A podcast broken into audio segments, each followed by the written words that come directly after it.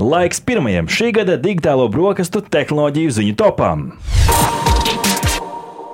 Pirmā ziņa 23. gadā no Twitter platformas. Twitter paziņojuši, ka tuvāko nedēļu laikā plāno atcelt politisko reklāmu aizliegumu. Sākotnēji šāds aizliegums tika ieviests jau 2019. gadā, toreiz minot, ka politiskā vēstījuma sasniedzamība ir jānopelna, nevis jāpērk.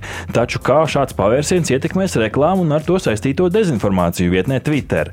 Nu, jau pērn novembrī uzņēmuma īpašnieks Ilons Masks vainoja aktīvistu grupas spiedienu izdarīšanā uz reklāmdevējiem, lai apturētu reklāmu. Uh, rādīšanu vietnē Twitter. Maskam bijuši arī strīdi ar Apple uzņēmumu un ar citiem par, nu, tā teikt, viņš apsūdzēja iPhone ražotāju par naida celšanu pēc vārda brīvību Amerikā, kā ziņo portāls TechCrunch. Un vēsturiski Twitter atļāva šādu tipu reklāmas ar nosacījumu, ka reklāmas devēji nevar šīm kampaņām lietot konkrētus mērķa filtrus. Bet nu, šobrīd izskatās, Rihard, ka um, laikam jau nauda valda un Twitter ir gatavs nedaudz mainīt savu nostāju. Un svarīgi pieminēt, ka nākamgad ASV gatavosies 24. gada vēlēšanām.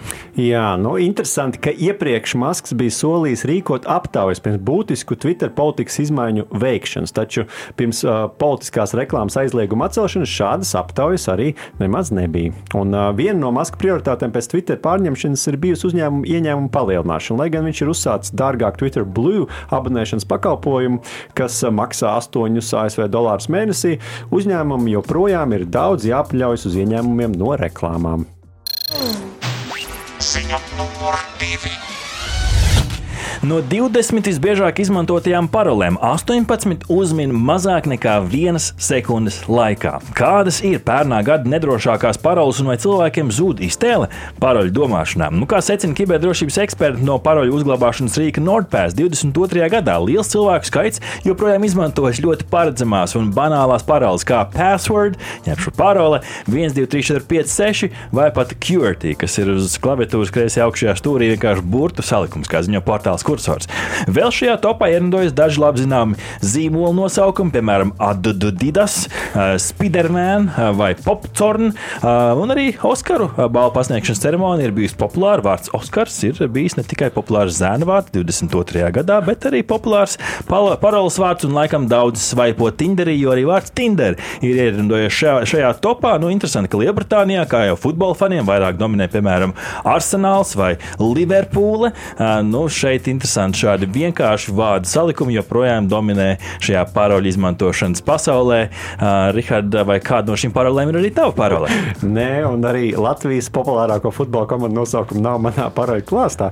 Bet uh, tas, ko noteikti rekomendē, ir uh, ieviest garas paroles, kur ir gan cipari, gan uh, lielie un mazie burti, uh, gan arī simboli. Un saprotams, ka tādas nevienmēr ir viegli atcerēties. Tad uh, tur noteikti var izmantot kādu no paroļu menedžeriem. Un vēl no savas puses noteikti var ieteikt arī um, ieviest ne tikai paroles, kas ir viens vārds, bet uh, iespējams pat paroļu, kā, paroles kā teikumus. Un, uh, attiecīgi, šādu teikumu ierakstot, to jau būs daudz grūtāk atminēt kādam. Ziņa numur 3.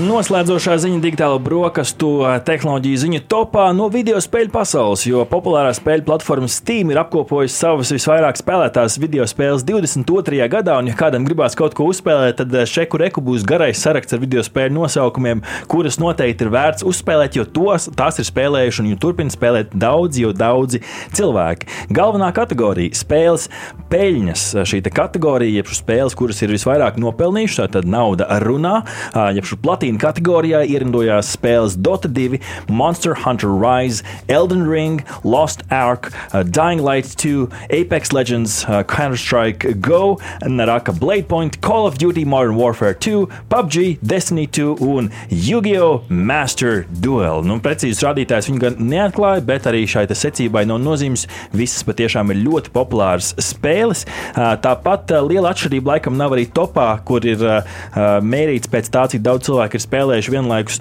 tieši saistē, bet kas ir interesanti, uh, šeit ir jauna kategorija, virtuālās realitātes kategorija, kur nu, ir uh, visam, pavisam cits spēļu saraksts, un šeit ierindojās savukārt spēles, kuras ir uh, pavisam speciāli izstrādātas virtuālajai realitātei. Jā, nu Steam ir pasnieguši arī savus apbalvojumus, un tātad gada spēle ir Elden Ring, to mēs vēl šodien pieminēsim. Uh, virtuālās realitātes gada spēle ir Hitman 3. Uh, visinovatīvākā uh, spēles pieredze ir uh, spēlē Stray, un nu, lielisks stāsts ir spēlē God of War, un tāda sēdi un atpūties spēle ir Star Wars The Skywalker saga. Nu, būs ko spēlēt arī šajā gadā, bet nu ir laiks uzdot jautājumu, būs vai nebūs.